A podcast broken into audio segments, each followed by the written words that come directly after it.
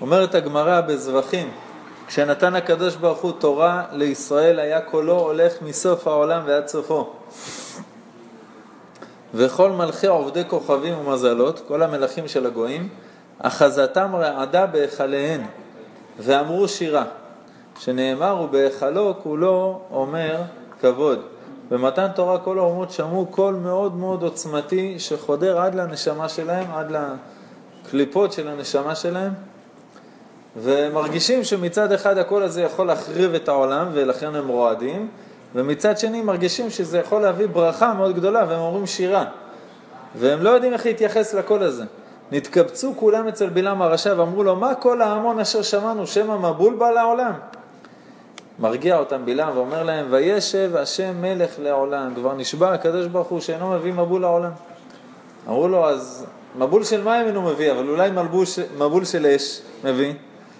אמר להם, כבר נשבע שאינו משחית כל בשר. אז מה זה כל ההמון הזה ששמענו?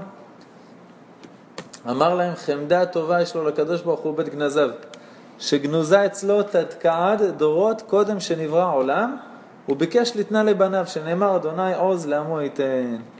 מיד פתחו כולם ואמרו, אדוני יברך את עמו בשלום.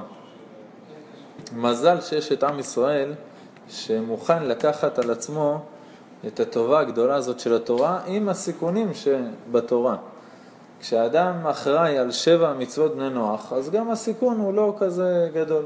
אבל כשלאדם יש תרי"ג מצוות זה לא פשוט.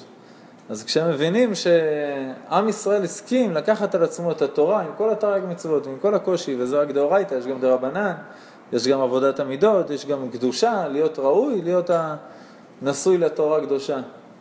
אז כשהם רואים שעם ישראל מוכן לקבל את התורה וזה מציל את כל העולם, כי אם לא כל העולם היה מתהפך, אומרים השם יברך את עמו בשלום, לא אותנו, לא את העולם, השם יברך את עמו בשלום, זה הגויים אומרים. למה? בתור תודה שעם ישראל היו מוכנים לקבל את התורה. הבן איש חי כותב על הגמרא הזאת, שהגויים הם רוצים להאמין ולעשות חסד וכל המעלות הטובות בתורה הם מוכנים לקבל. אבל הם לא יכולים להפסיק עם הדברים הרעים שהם עושים. זאת אומרת, גם וגם זה בסדר, אבל אה, לא סור מרע ועשה טוב, רק תעשה טוב. אני מוכן לדבר על הומניות, אני מוכן לדבר על הכל, אבל לא, סור מרע לא. תן לי לעשות את הדברים הרעים שאני רגיל. שהתורה לא תפריע לי אה, לעשות עבירות ולמלא את התאוות שלי. ככה אנחנו מכירים מהמדרש. המדרש כותב שבהתחלה הקדוש ברוך הוא הלך אצל בני עשיו, אמר להם, אתם מקבלים את התורה? המדרש שהגננת שורקת בעל פה. אמרו לפניו, מה כתוב? בה לא תרצח. אמרו לו, מה, אנחנו על חרבך תחיה. איך, מה נעשה? הלך לעמון ומואב, מקבלים את התורה, מה כתוב לא תינף? אמרו, אנחנו באנו מניאוף, שכתוב, ותערנה שתי בנות לוט מאביהן. לא יכולים לקבל תורה. אמר לי ישמעאל, מה כתוב? לא תגנוב. אמרו, אנחנו חיים רק מהגניבה, מהגזל עד היום. עדה עוד הכתיב, פרא אדם, ידו בכל ויד כל בו, לא יכולים לקבל את התורה. בא לעם ישראל, אמרו לו, נעשה ונשמע.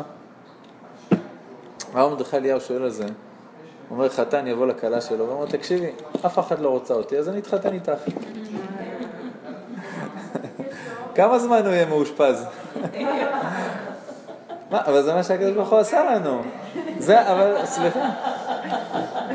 לא שאלתם את זה על המדרש, נכון? זה מה שהמדרש אומר, אף אחד לא הסכים טוב, אז עם ישראל ניתן לכם, מה נעשה? מה? מה זה צריך להיות? אומר הרב מרדכי אליהו, זה לא שאף אחד לא רצתה, אף אחת לא מסוגלת.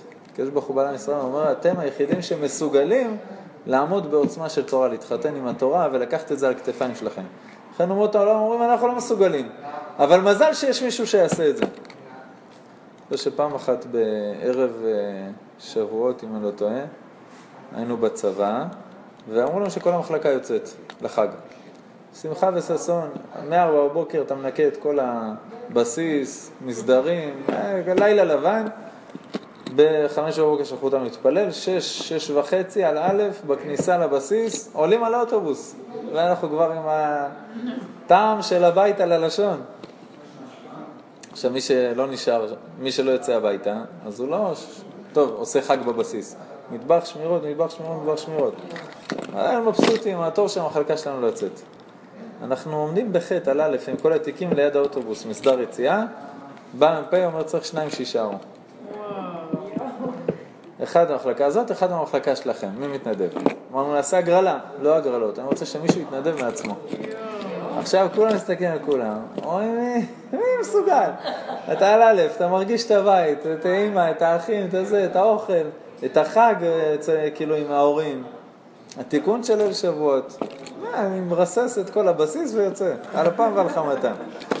עכשיו מה, גם ההורים יגיד לך, מה, התנדבת? משוגע, טמבל, פראייר, זה, אמא שלך תכעס עליך אם תתנדב. מישהו אחד הרים את היד. יש מישהו... יש משהו שאני יכול להבטיח לכם, זה שאף אחד ממי שהיה שם לא ישכח את זה לעולם. שהבן אדם הזה הרים את היד, לקח את הדברים להתראות, הלך. אנחנו יצאנו, הלך, ל, ל, אני חושב שזה היה שבת ושבועות אפילו, יומיים של מטבח ושמירות עד שחזרנו. ואין חג ואין כלום, אין, אף אחד בחיים לא שכח לו את זה. אומות העולם מסתכלים עליך ואומרים, אתה מוכן לקבל את התורה? אתה מוכן לקבל עצמך את כל העוצמה הזאת, שאנחנו לא היינו מסוגלים לקבל. ובשבילנו, בשביל שהעולם יחיה, השם מברך את עמו בשלום. יותר מזה, אנחנו צריכים להיות מאוד גאים שאנחנו הבאנו לעולם את עשרת הדיברות, אחרת איך העולם היה נראה אם לא היה את עשרת הדיברות? הרי משם צמחה הנצרות והאסלאם והכל. נכון. נכון, אני מדבר על הרמה הבסיסית שלא היה עולם בכלל. לא ישראל לא מקבלים את התורה, לא היה עולם. אז הגויים לא מסוגלים, הגויים, דבר איתי על עשה טוב כמה שאתה רוצה, דינרים וצדקה ומה שבא לך. לא על סור מרע. אל תגיד לי איך לחיות, אני יש לי עבירות ותאוות שאני חייב אותן, אל תגיד לי להפסיק אותן. עכשיו זה בלתי אפשרי. אי אפשר עשה טוב בלי סור מרע. המגיד מדובנה מספר שאיזה כפרי אחד קנה חליפה בעיר הגדולה. חזר לכפר, אחרי שבועיים הוא מגיע לעיר ואומר, היא לא מתאימה עליי, זה ולי מאפנה, היא זה, אני לא יכול לבוש אותה בכלל. אז הוא אומר לו, אבל מדדתי אותך ותפרתי לך חליפה בדיוק בשבילך. תראה לי בבקשה. מראה לו שהוא לובש את החליפה ואי אפשר. הוא אומר לו, יחרול, תוריד את החליפה הישנה, ואז תלבש את החדשה. בטח שזה לא מתאים לך. הגויים לא מבינים שהעשה טוב שלהם, כשהוא חל על המידות הרעות והכל, אז חסד לאומים חטאת. אז הכל כבר זבל וגם החסד נראה כמו שהוא נראה, והכל בשביל התאוות שלהם. אז אומר הבן איש חי, תדקעה דורות. שהקדוש ברוך הוא, שבלעם אמר להם שהתורה גנוזה אצל הקדוש ברוך הוא תדקעה דורות, תדקעה זה ת"ת זה 800, ק' זה 100, זה 974, עין ד', 974 דורות. אז אומר הבן איש חי, סור מרע ועשה טוב, זה גמטריה 974. אומר להם בלעם, אתם לא מסוגלים. את התורה, שזה 974 דורות, זה, את התורה אפשר לקבל רק מי שהוא גם סור מרע וגם עשה טוב. טוב שבלעם אומר להם את זה. וכן, והאומות לא יכולות. לא, רק, רק עשה טוב, לא יכולים להפסיק את הסור מרע. זה מסביר את זה שערבי יכול ללכת, לרצוח 49-50 אנשים בשבועות ולהרגיש שהוא עובד את השם. זה עבודת השם מבחינתו. איך? ככה זה נראה. ככה זה נראה. גם הנוצרים היו ככה, היום הם יותר עדינים כלפי חוץ. נותן להם בעיה לזרוק פצצת אטום ולהשמיד אומה שלמה, או לבוא אלינו בטענות כשכמעט ולא נשארו אינדיאנים אצלם, ומה שאחרי מה שהם עשו להם, והם באו ופלשו אליהם, זה לא שהם חזרו למדינה שלהם אחרי גלות של כך וכך שנים, וירושים ומיאסקי, ולהוריד בית חולים שלם בגדד, כי מישהו עם זקן נכנס לפי המזל"ט. כן. אז הורידו את כל בית חולים, ועוד כמה עיתונאים על הדרך שלא ידרכו על זה, זה בסדר. זה הנצרות, שזה מוסר אה, כמובן מסולח. אבל אה, הם נהיו יותר עדינים. הישמעאלים עוד לא למדו את זה. עוד לא הבינו שעובד השם זה סותר את כל הרצח והטירוף הזה. עכשיו, עם ישראל אה, צריך, אה, צריך גם, במדבר היה צריך סמינר להבין את אסור מרע ועשה טוב. בחצי הראשון של פרשת בעלותך, אתה רואה מאוד עשה טוב. שזה החלק היותר קל. אני, כולנו, כולנו בבסיס של הנפש שלנו אנחנו טובים. כל בן אדם בעולם שים לו רמקול בפה, תגיד לו, אה, הוא רוצה peace and love ושהכול יהיה בסדר ושהחיים יהיו תותים. חוץ מכמה פסיכופטים. אז אתה רואה, עם ישראל בהתחלה של פרשת בעלותך בחצי הראשון, ביום מקים את המשכן, כי שם את המשכן לא יהיה לעדות, ובערב יהיה למשכן כמראה שד הבוקר, שזה השראת שכינה לעם ישראל. וענן השם עליהם יומם בנוסם מן המחנה, ויהי בן צהרון ואמר משה קום השם יפוץ אויביך ונשאו מסעיך מפניך ונוכל אמר שובה השם אבות אלפי ישראל. יש השראת שכינה בישראל, יש עשה טוב, יש דברים מדהימים. בחצי השני של הפרשה אתה רואה שכבר מתחיל להיות קשה לעם ישראל עם אסור מרע, עם עין הרע, עם הלשון הרע. החלק הבעי... זה החלק הבעייתי, וזה בסדר. אנחנו מסוגלים, רק עבדנו על זה קשה עד שהגענו למקום הזה. בהמשך של הפרשה הם ישר מתחילים לנסוע, מתחילים את המפגש האמיתי עם המדבר. עד עכשיו הם היו מצרים, גאולה, אה, קריעת ים סוף, הכנה למתן תורה, מתן תורה, עכשיו בעצם מתחילים את השוטטות במדבר, עכשיו מתחילים את הגיבוש. מה קורה? ישר על ההתחלה, ויהי העם כמתאוננים רע באוזני אדוני. ישר מתחילים תלונות. עכשיו, התורה לא מפרטת על מה הם מתלוננים, כי זה לא משנה. אם אתה מתלונן, לא משנה על מה, מתלונן, אחרי יציאת מצרים, קריעת ים סוף, מתן תורה, באר, אה, ענני כבוד, והמן שיורד מהשמיים, אז זה כבר לא באמת משנה מה הסיבה. אתה בבעיה. הקדוש ברוך הוא לא מוותר להם, אומר להם, חמודים, אצל הגויים יש רק עשה טוב. אצלי יש גם סור מרע. וישמע השם, ויחר אפו, ותבער יש השם, ותאכל בקצה המחנה. זה שיש לכם זכויות עצומות, ושאני לא יכול בלי העם הזה בעולם, הכל, זה לא אומר שאני לא אחנך אתכם. זה לא אומר שאתם לא תקבלו עונש על העבירות שלכם, בלי קשר לזכויות שעשיתם. התומר דבורה כותב, אין הקדוש ברוך הוא אומר עשה ארבעים מצוות ועשר עבירות, נשארו שלושים מצוות וילכו עשר בעשר. אני מצמצם, עשר עשר, נשאר לך שלושים מצוות, לך לגן עדן. הקדוש ברוך הוא לא עושה ככה, חס וחלילה. אלא אפילו צדיק גמור ועשה עבירה אחת, דומה לפניו כאילו שרף את התורה. עד שירצה חובו ואחר כך יקבל שכר כל מצוותיו בשלמות. למה? כי שכר של מצווה, טריליארדי עבירות לא, לא, אין, לא יכול לצמצם אותם, אין להם שום מחנה משותף עם שכר של מצווה. אז תקבל עונש, אם לא חזרת בתשובה, תקבל עונש של כל העבירות, ואחרי זה תקבל שכר של כל המצוות בשלמות. אז זה גם, גם פה, הקדוש ברוך הוא אומר, עם ישראל אוהב אתכם, מת עליכם, סגולה הכל. יש בעיה, אתם תחטפו. למה? כי עם ישראל צריך לעבוד גם על אסור מרע. אין דבר כזה בעיות. מרים הנביאה, אני לא יודע אם יש מישהו בעם ישראל עם זכויות יותר ממרים הנביאה, שגם גידלה את הארון, וגם גידלה את משה רבנו, וגם הצילה את משה רבנו, וגם בכלל בזכותה משה רבנו נולד, ובאר מרים, ועוד כל הצדיקות שהייתה לה באופן עצמי, ש... שהייתה נביאה מאוד גדולה. אין, דבר מדהים. אומר הרמב"ן, כן, פעם אחת דיברה לשון הרע לך שלה. אומר הרמב"ן, אף על פי שהיה ראוי גם להסתירו, שלא לדבר בגדולותם של צדיקים, התורה כותבת את זה לדורות, ציווה הכתוב להודיע ולגלות מה שמרים דיברה, כדי שתהיה אזהרת לשון הרע סומה בפיהם, שיהיה להם בפה כל הזמן זהירות מלשון הרע. מפני שהוא חטא גדול וגורם רעה רבה ובני אדם נכשלים בו תמיד. כמו שאמרו בגמרא, הכל באבק לשון הרע. אומר הרמב"ן, אפילו שזה מרים, ואפילו כל הזכויות שלה, הכתוב, התורה, מפרסמת את החטא הכי קטן שהיה לה, וכל עם ישראל מחכה לשבעה ימים רק על הדבר הזה. אה, אם אני לא טועה זה קליאופטרה אחת, שאלה את רבי יהושע בן לוי. כן, קליאופטרה, מלכת מצרים, שאלה את רבי יהושע בן לוי, אמרת לו, אני מכירה מה זה מצרים. אתה רוצה להגיד לי שיוסף, בחור בן 19 שעסוק בלהתייפות ולססל בשערו, לא חטא עם אשת פוטיפרה? אני לא מאמינה. לא, לא הגיוני, אני יודעת מה זה מצרים. אז הוא אומר לה, התורה לא מחפה על אף אחד. על ראובן כתוב שהוא בלבל יצואי אביו, שהוא רק החליף את המיטות, בין, כאילו שאבא שלו במקום שילך לאוהל רחל, הלך לו אליה, לאמא שלו. כבר התורה כותבת כאילו, כאילו עשה עבירה מאוד מאוד חמורה. התורה מגדילה את זה פי מאה. והתורה לא, עם יהודה ותמר, התורה לא מכחידה שום דבר.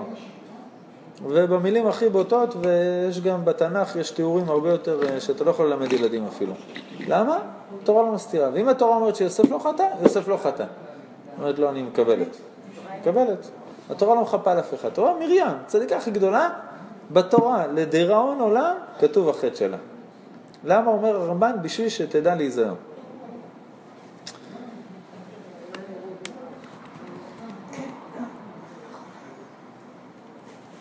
אומר הרב אה, אליהו, זכר צדיק קדוש לברכה, שכדי שלא נחשוב שרק עם הצדיקים הקדוש ברוך הוא מדקדק איכות הסערה, אז יש לנו ציווי בתורה, זכור את אשר עשה השם אלוקיך למרים בדרך בצאתך ממצרים. את ה... זכור את אשר עשה לך עמלק, אנחנו זוכרים, קוראים בתורה, כולם מגיעים, דופקים על הרצפה, הכל. יש לך עוד מצווה. זכור את אשר עשה השם אלוקיך למרים בדרך בצאתך ממצרים. זאת אומרת שכל אחד צריך להיזהר בזה. כל אחד צריך לזכור את הדבר הזה ולהיזהר בעניין של לשון הרע. ולעבוד על עין טובה, על מילים טובות, על עשה טוב.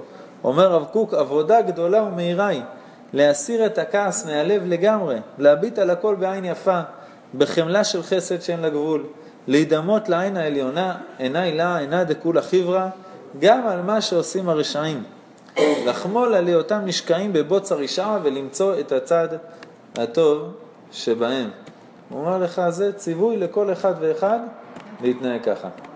עכשיו, הרב מרדכי אליהו מספר שכשהוא היה אצל הבבא סאלי, הוא היה אצל הבבא סאלי בן בית. הוא מספר שפעם אחת הוא אומר לבבא סאלי, בזכות מה התפילות שלך מתקבלות? הבבא סאלי עושה אפצ'י, מישהו היה קם מכיסא גלגלים.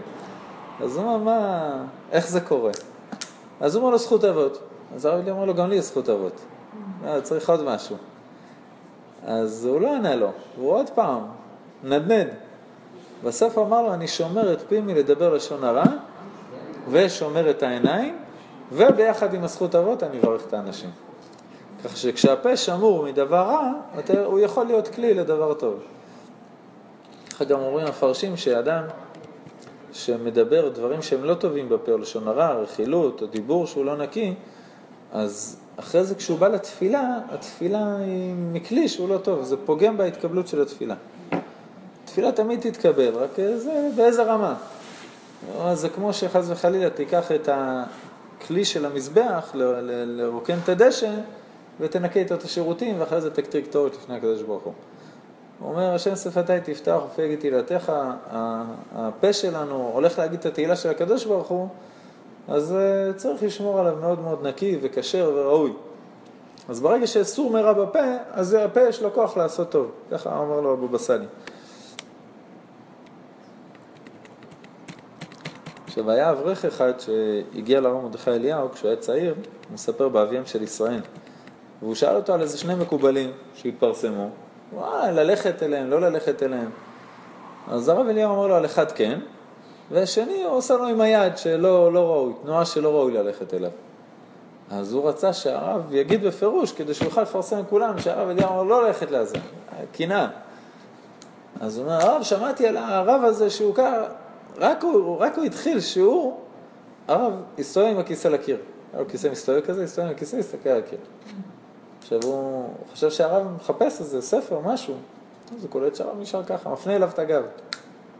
אז הוא הבין שהרב לא רוצה לשמוע לשון הרע, כאילו, דבר על הקירות, עזוב אותי, מה אתה מספר עכשיו לשון הרע? מצד שני הוא לא רוצה לפגוע בו, שתוק, זה, להוכיח אותו לזה לשון הרע, אז הוא פשוט... אז הוא אומר, התחיל לגמגם, מסכן, הוא אומר, סליחה, סליחה, הרב, אני לא, עזוב. אז הוא חזור, יש לך עוד שאלות אולי? משהו נוסף שאני יכול לעזור? יש הרבה כללים על הרע, נכון? צריך ללמוד. אה, צריך ללמוד. מאוד קשה. אם למשל אתה באמת, אה, יש משהו כזה שאם נגיד אה, אתה רוצה לשתף מישהו במשהו שחווית, אז זה בסדר, זה לא בסדר, כלפי מישהו אחר, איך... אם יוצא מזה לשון הרע או רכילות, זה לא בסדר, זה אסור. לא, אבל אם נגיד... סתם, רבתי עכשיו עם אה, אורית. סתם, מישהי מהגומה, מישהי. ואז אני כאילו מאוד מאוד נסערת. אני צריכה לשתף עם מישהו, אז זה נחשב לשון הרע? אז או שתשתפי מישהו שלא מכיר את אורית, או את המישהי מהעבודה, ותגידי את זה, מישהו שלא מכיר, בסדר? או שתשתפי בלי להגיד את השם ובלי פרטים מזהים. או שתתגברי, לא לשתף. אה, אין מה לעשות, אין מה לעשות. אה, צריך, צריך לעבוד, זו עבודה קשה, עבודה קשה. איך אומרים בחסידות, זה בשם הבעל שם טוב, שעד אה, שהאדם בודק, או שזה ארמי קוץ, עד שהאדם בודק מה הוא מכניס לפה, שיבדוק מה הוא מוציא מהפה, שזה הרבה הרבה יותר קשה. אומר הרמב"ם, בהלכות טומאת צרעת. על עניין זה מזהיר בתורה ואומר, ישמר בנגע הצרעת. זכור את אשר עשה השם לוקח למרים בדרך. כן, הרי הוא אומר, התבוננו מה אירע למרים הנביאה שדיברה באחיה, שהייתה גדולה ממנו בשנים, וגידלתו על ברכיה, וסיכנה בעצמה להצילו מן הים, ולא דיברה בגנותו, אלא טעתה שהשוותו לשאר הנביאים. וגם הוא לא הקפיד על כל הדברים האלה, שאמר ואיש משה עניו מאוד. זאת אומרת, כל הדברים האלה, ואני אגיד, מה, מה, היא לא עשתה כלום. אף על פי כן מיד נענשה בצרעת. הוא אומר קל וחומר לבני אדם הרשעים הטיפשים שמרבים לדבר גדולות ונפלאות. כי הלשון הרע זה, זה יצר מאוד גדול, בן אדם מרגיש שהוא כמו שופט, יושב על הכיסא שלו ומתחיל לדבר על כולם ולזרוק חיצים על כל אחד. לפיכך ראוי למי שרוצה לכוון אורחותיו, להתרחק מישיבתם ולדבר עמהם, כדי שלא ייתפס אדם ברשת רשעים וסכלותם. עכשיו הרמב"ם מתאר את התהליך, הוא אומר שאנשים שמתאספים ויושבים, וככה זה הולך ההידרדרות. וזה דרך ישיבת הלצים הרשעים. בתחילה מרבים בדברי הוואי, כעניין שנאמר וכל כסיל ברוב דברים, כל, אני שומע דיבור, אה, מדברים על דעה ועל דעה, מבלבלים אחד לשני את המוח. מתוך כך באים לספר בגנות הצדיקים, כעניין שנאמר, תעלמנה שפתי שקר הדוברות על צדיק עתק. אז הם מתחילים לדבר על צדיקים, למה? כי הוא הזכיר איזה סיפור, וההוא זה, אה, מה פתאום, ההוא זבל, וההוא רשע, וההוא ככה, וההוא ככה, וההוא לא. וטה-טה-טה-טה-טה, מתחילים לדבר גם על הצדיקים. מתוך כך רגילים לדבר בנביאים ולתת דופי בדבריהם. תראה לאן הם מגיעים, מדברים סתם, אחרי זה על הצדיקים, עכשיו על הנביאים. והיו מלהיבים במלאכי האלוהים, בוזים דברים מתעתעים בנביאיו. ומתוך כך באים לדבר באלוקים וכופרים בעיקר. כל זה מלשבת ולבלבל את המוח אחד לשני. תוך כך באים לדבר באלוקים וכופרים בעיקר, כנראה שאמר ויכפאו בני ישראל דברים אשר לא כן על השם אלוהיהם, והרי הוא אומר שתו בשמיים פיהם ולשונם תהלך בארץ. מי גרם להם לשית בשמיים פיהם? לשונם שלחה תחילה בארץ. אומר הרמב"ם, זוהי שיחת הרשעים שגורמת להם ישיבת קרנות וישיבת כנסיות של עמי הארץ וישיבת בתי משתאות עם שותי שחר. אז אה, זרקו את התורה, אז עכשיו יש להם פנאי, יש להם זמן. לא צריכים ללמוד, לא צריכים להתפלל, לא צריכים עבודת המידות, לא צריכים לעזור בבית. אז החיים שלהם תותים, אז מה הם עושים? הולכים, יושבים בבית קפה, מבלבלים את המוח. הוא אומר, מי זה? מהלשבת בקפה ולבלבל את המוח ולשתות קפה בד"ץ, ועוגה שהיא בד"ץ אה, חתם סופר, ומפה מגיעים לכפירה בעיקר. למה? מהדבר הזה. אבל שיחת כשרי ישראל אינה אלא דברי תורה וחוכמה. לפיכך הקדוש ברוך הוא עוזר על ידם ומזכה אותם, שנאמר, אז נדברו יראה השם איש את רעהו, ויקשב השם וישמע. הקדוש ברוך הוא יורד לשמוע שיחה כזאת. ויכתב ספר זיכרון לפניו ליראה השם ולחושבי שמו. יושב ומדבר עם בן אדם, חבר שלך, יושב ומדברת עם מישהי אחרת. חוץ מדיבורים רגילים של אה, בית ודברים אחרים, ילדים וכולי, יש עניין להכניס, שמעתי דבר תורה, שמעתי ככה, קראתי את ההלכה הזאת, הכרת אותה, אני שמעתי פעם איזה משהו על הפרשה, אני לא מבינה את ההלכה הזאת והזאת, תסבירי לי. להכניס כמה שיותר דברי תורה וחוכמה ויהדות ואמונה ומוסר לשיחה. למה? הקדוש ברוך הוא יורד להקשיב. זה נחשב לך זכות דיבור כזה. זה כמה שיותר זה עבודה טובה. מפיבושת, כתוב שהוא לא בא עם דוד המלך כשאבשלום מרד בדוד המלך, ודוד המלך בורח לעבר הירדן המזרחי, מפיבושת לא בא איתו. ודוד חושב, מניח, שהוא חלק מהמרד עם אבשלום. עכשיו, למפיבושת היה עבד שקראו לו ציווה, הוא היה נוכל, והוא בא לדוד ומתחיל אה, לרחל על האדון שלו ולהגיד שבאמת הוא מורד, למרות שזה לא היה נכון. דוד המלך בלי לבדוק, אומר לו, הנה לך כל אשר מפיבושת. נותן לו את הנחלה של מפיבושת. למה? הוא בטוח שהוא בגד. אחרי שהוא מנצח, אחרי הניצחון על אבשלום וכל זה, דוד המלך חוזר. כתוב, מפיבושת בן שאול ירד לקראת המלך ולא עשה רגליו ולא עשה שפמו ואת בגדיו לא כיבס. הוא בעצם היה באבל כל התקופה הזאת על זה שדוד לא באזור.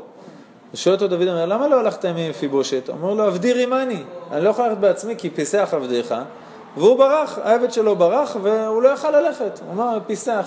עכשיו העבד ברח, הוציא עליו רכילות, ודוד המלך קיבל את זה בלי לבדוק. ועכשיו, גם עכשיו, שהוא, שהוא רואה שזה האמת, אז זה ככה, מתוך ספק הזה, הוא כבר אמר למפיבושת, לציווה, שייקח את כל הנחלה, אז עכשיו הוא בעצם חוזר בו חצי, והוא אומר, למה תדבר עוד דבריך? אמרתי, אתה וציווה תחלקו השדה.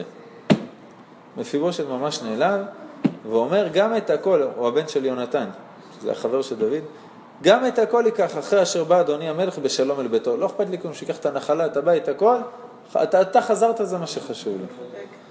אומרת הגמרא, באותה שעה שקיבל דוד לשון הרע, יצא בת קול ואמרה לו, רחבעם וירובעם יחלקו את המלוכה. אתה חילקת את השדה סתם?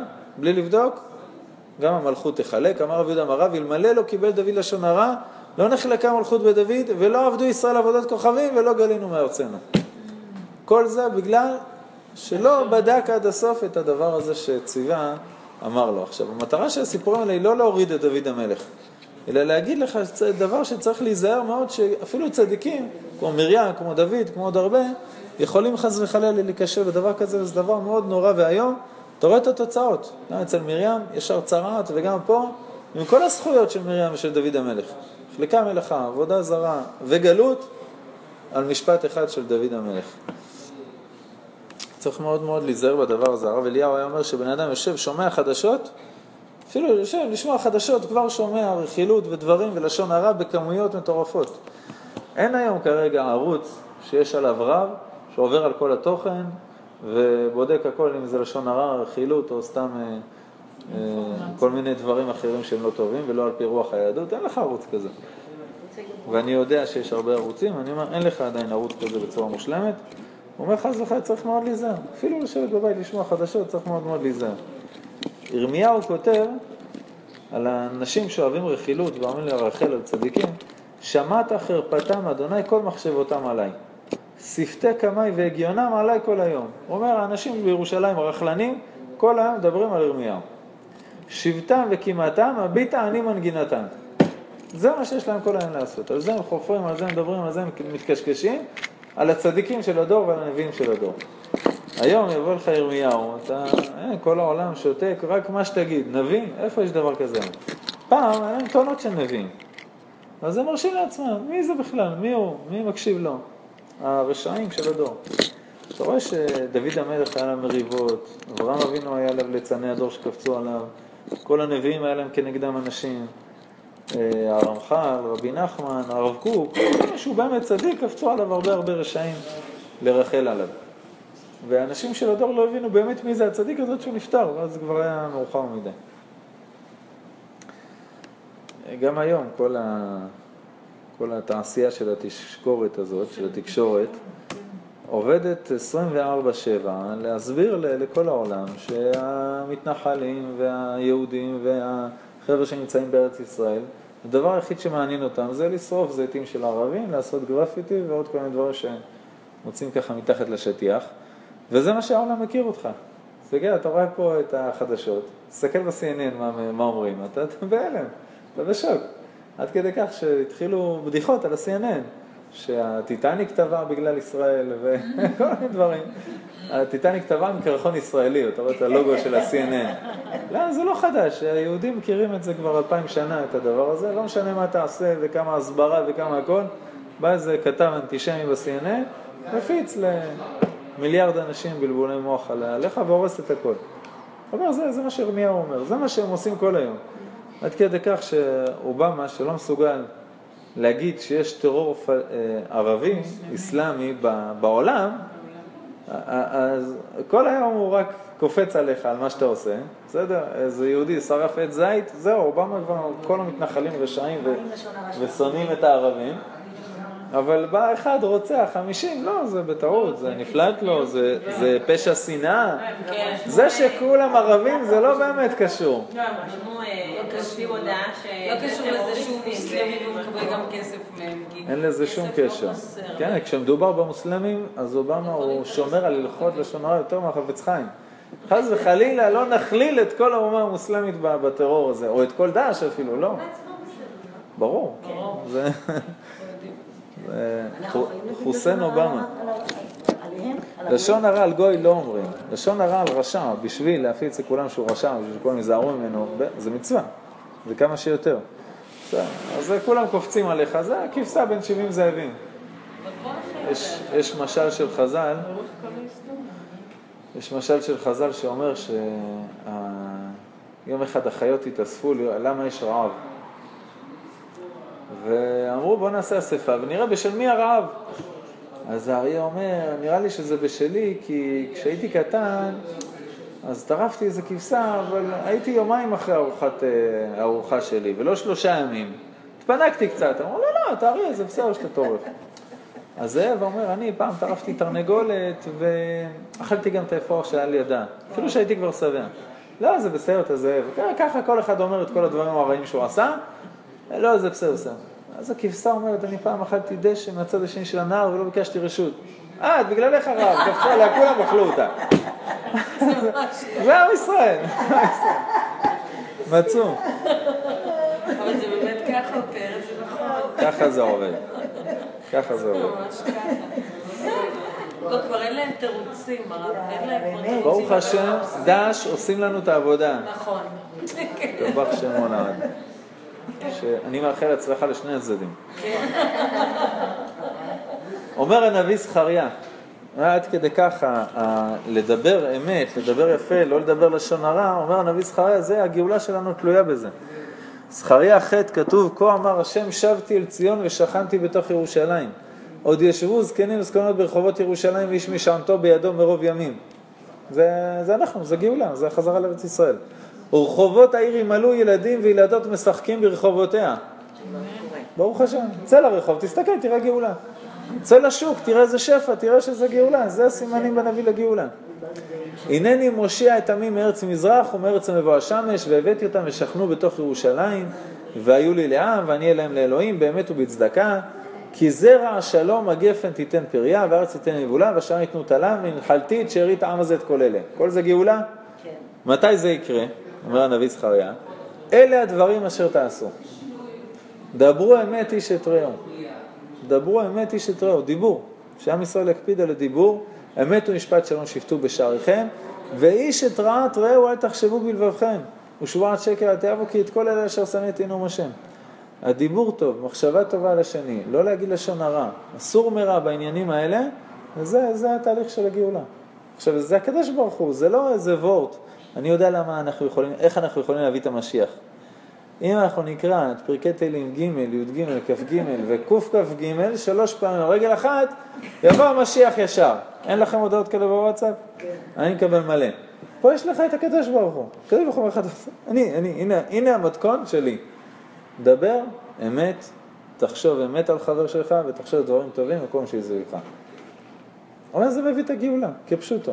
אז המחשבה טובה, עין טובה, דיבור טוב על עם ישראל, זה, זה מה שבונה את ירושלים.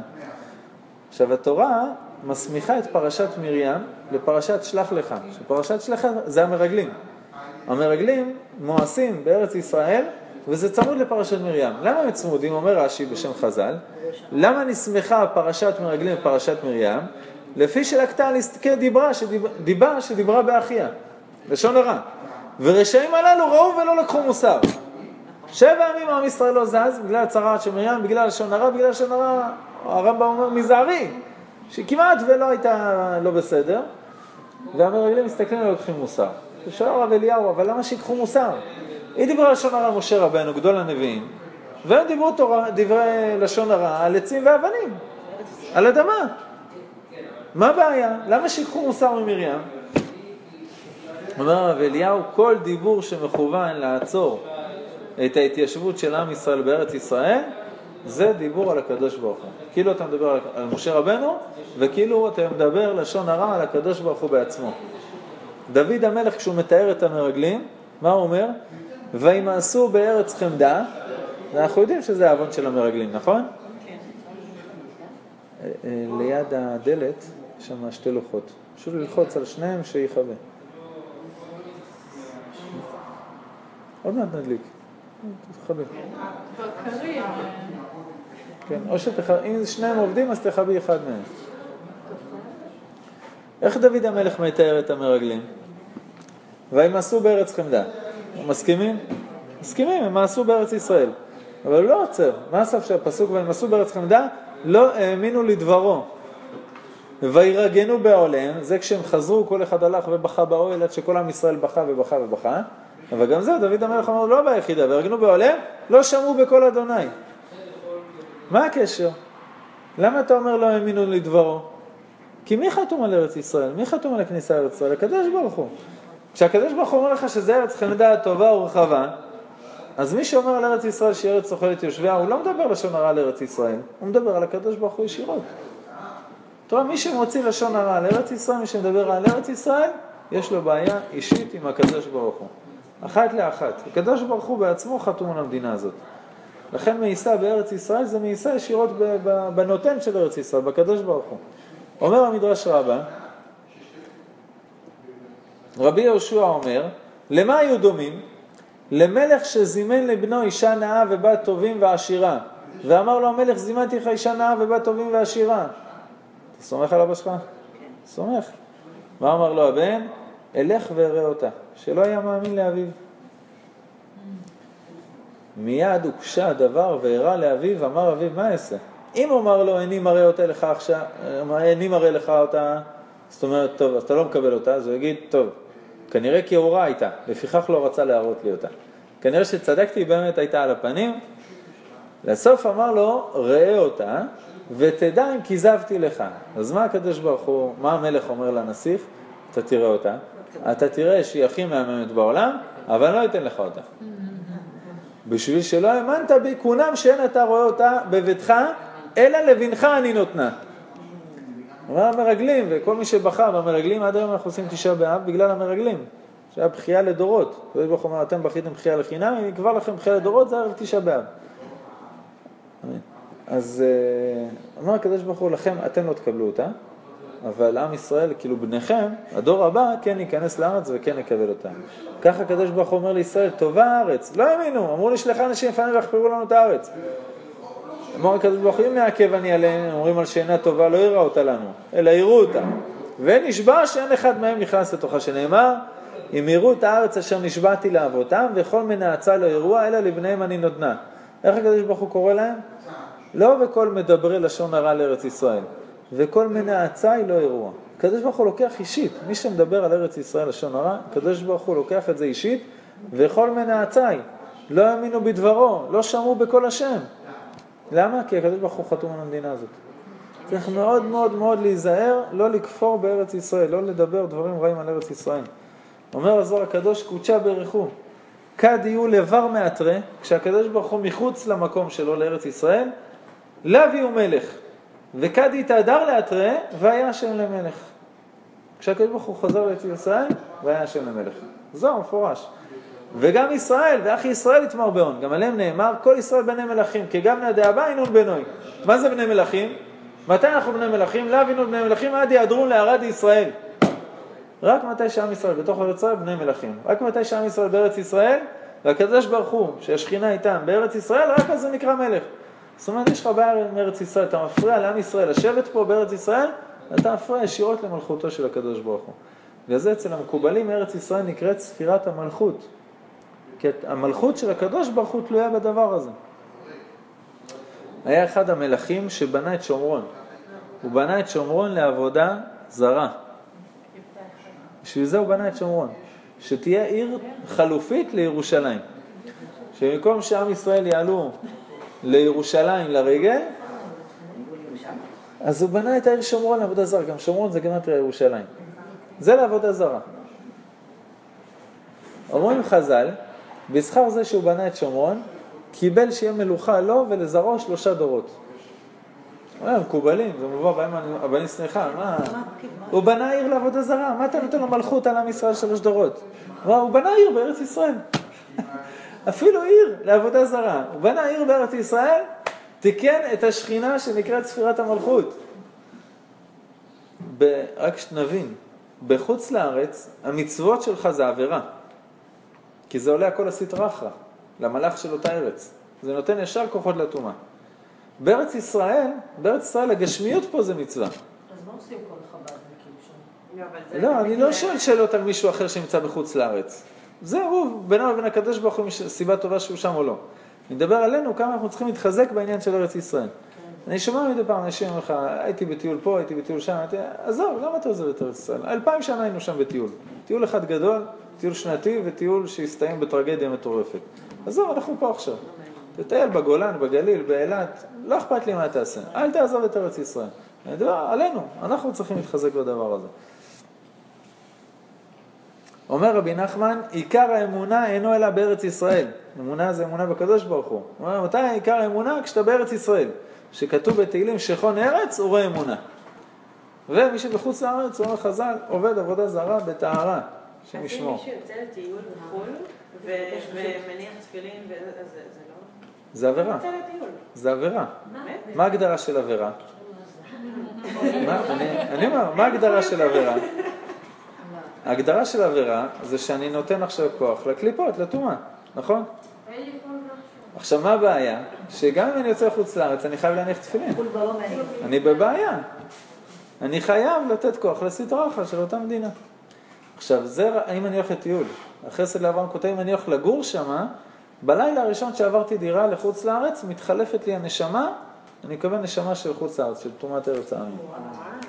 אבל גם אם אני הולך לשנה בשביל מסחר או טיול, לא מתחלפת הנשמה. אבל אם אני הולך בשביל לגור שם, על הלילה הראשון אכלתי אותה. הוא אומר גם הפוך, בן אדם בא לטיול בארץ ישראל שנה, טיול שורשים, על מנת לחזור. הוא נשאר נשמה של תרומת העמים של חוץ לארץ. בא, לילה הראשון שהוא בא בשביל לגור, מקבל נשמה של ארץ ישראל. אז, אז אני אומר, אפילו טיול, לא חס וחלילה לגור, אבל אפילו טיול, אתה בבעיה. כל תפילה, כל מצווה, אתה חייב להתפלל, חייב לעשות מצוות. בשביל מי אתה עובד? בשביל הסטרה אחרה? חרם.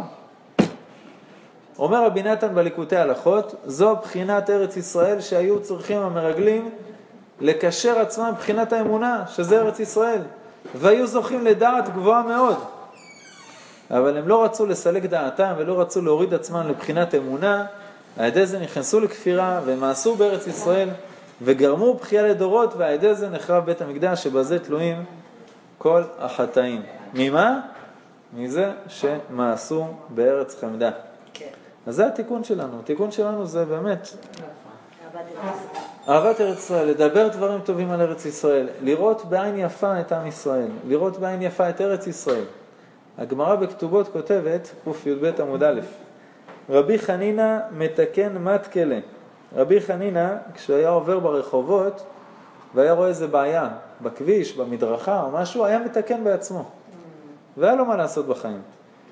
אומר רש"י, למה הוא היה מתקן בעצמו? מחמת חיבת הארץ שהייתה חביבה עליו, ומחזר שלא יצא שם רע על הדרכים. לא שמישהו לא ייפול, זה דבר טוב בפני עצמו. שמישהו לא יגיד בטעות משהו רע על ארץ ישראל. נופל, יגיד, איכס המדרכה הזאת. ושיגיד דבר כזה על ארץ ישראל, לא היה מוכן לסבול. אז בן גוריון היה צדיק. שאלה אחרת. שאלה אחרת. שאלה אחרת כי זה יותר מורכב. יש בחינה אישית, יש בחינה ציבורית, יש מה הוא עזר לעם ישראל, מה הוא הפריע ישראל, זה כמו שתשאלי על שרון. תלוי, תלוי איזה דברים. אמרנו, הקדוש ברוך הוא יודע גם לתת שכר וגם לתת עונש, כל אחד לפי מה שמגיע לו. הרצל, גם הרצל, היה לו, מבחינה אישית, היה לו הרבה בעיות עם הקדוש ברוך הוא. מבחינה ציבורית, מה שהוא עזר לישראל, בטח יקבל על זה שכר. אתה יודע, הדור של פאני יותר מעריך את ארץ ישראל מהדור הצעיר, כי הם עברו את כל התלאות. מה הם מסרו על ארץ ישראל. בדיוק. כשאתה מקבל את כל השפע הזה על מוכן, ממש. אז אין לך את הערכים האלה. אנחנו צריכים שיעורים בשביל להבין את זה. נכון, נכון. זה היה תקופה של צנע. סצנה לא, על כל-. כל ידעו הדור. להעריך כל דבר. מהשפע שיש, עוד לא מקרר, לא תנור, כל זה. זה הגיעו מתלאות, משואה, מאנטישמיות, מכל מיני. לא, לא. כן.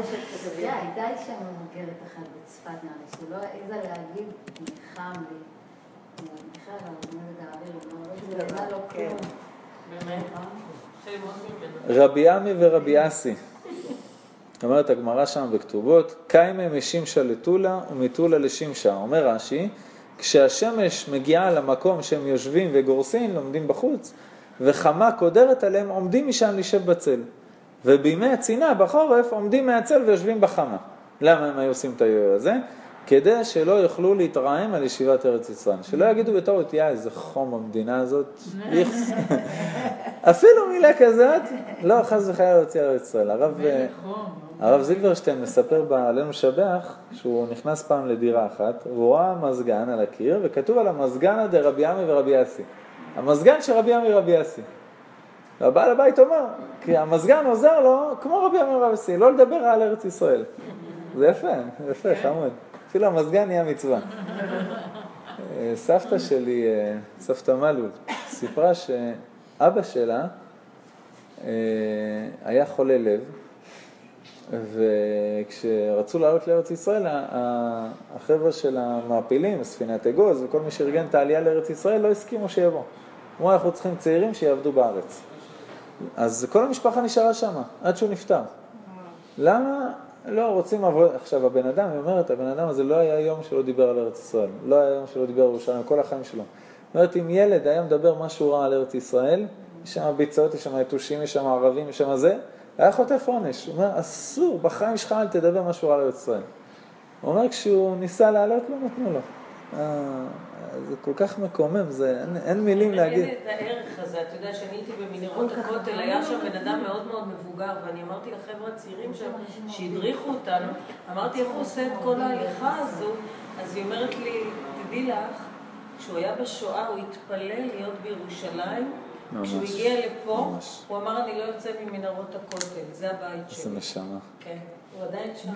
בן אדם מבוגר, מדהים. מנקה שם, מסדר, הוא אמר להם, תנו לי הכל, אני מוכן לנקות את הכל, אני מפה לא יוצא. אני חלמתי על זה כל החיים. איזה נשמה. כן. אה, אני לא זוכר את השם של הרב הזה, אבל הרב אחד המנהיגים של החרדים. וכשהייתה תהלוכה של יום העצמאות של מלא ילדים בירושלים, הוא ואשתו עמדו ברחוב והסתכלו עליהם, הולכים עם הדגלים וזה. עכשיו, התלמידים שלו באים אליו, אומרים לו, הרב, זה ציונים. הוא אומר לו, אני, אני ואשתי בשואה ראינו ילדים הולכים ככה למשרפות. כל החיים שלנו התפללנו שנזכה לראות ילדים הולכים ברחובה של ירושלים. תנו לי לשבת, תנו לי לעמוד ולהסתכל על זה. השתבח שמו לעד. אומר הכוזרי בסוף הספר, רבי יהודה הלוי בסוף הספר, שחיבר את אנוכי במזרח וליבי במערב, כי ירושלים אמנם תיבנה, כשיחשפו בני ישראל לתכלית החושף, עד שיכוננו אבניה ועפרה. הוא אומר, כשאתה כל כך תאהב את ירושלים, כל כך תאהב את ארץ ישראל, תתעסק רק עם ארץ ישראל. הדבר היחיד שיעניין אותך זה ארץ ישראל וירושלים ובית המקדש, אז הדברים נבנים. הרצון של עם ישראל הוא זה שיבנה את ארץ ישראל את, ואת ירושלים ואת בית המקדש, מתי שאנחנו נשתוקק לזה הכי הכי הרבה.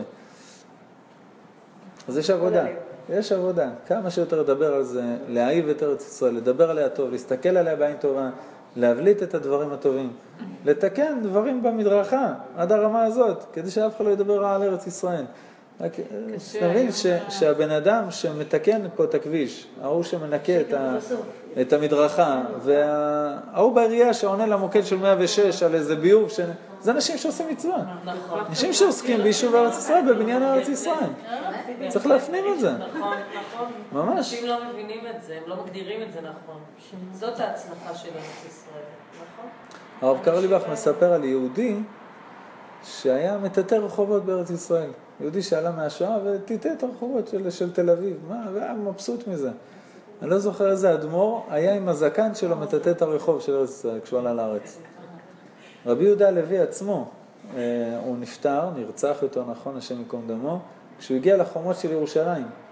הוא ירד לאדמה והשתחווה ונשק את האדמה, בא פרס ערבי, ראה יהודי ככה מחובר לארץ ישראל, דרס אותו, רצח אותו. זה הקדוש ברוך הוא יש חשבון עם כל, ה, עם כל הגויים, אה, חשבון ארוך. אנחנו אולי שכחנו כמה, כמה דם הגויים נקזו מאיתנו, אבל הקדוש ברוך הוא יש לו חשבון. כל דבר ודבר, כשהיינו בגלות כל הזמן היינו אומרים בשנה הבאה ירושלים הבנויה. השתבח שם אלוהים. כל הזמן. עכשיו כשזה ברור מאליו, אז כבר מתייחסים לזה קצת אחרת. אבל זה לא ברור מאליו שאנחנו לא ברור פה. מאליו בכלל. כל בוקר אני קמה אומרת ברוך השם.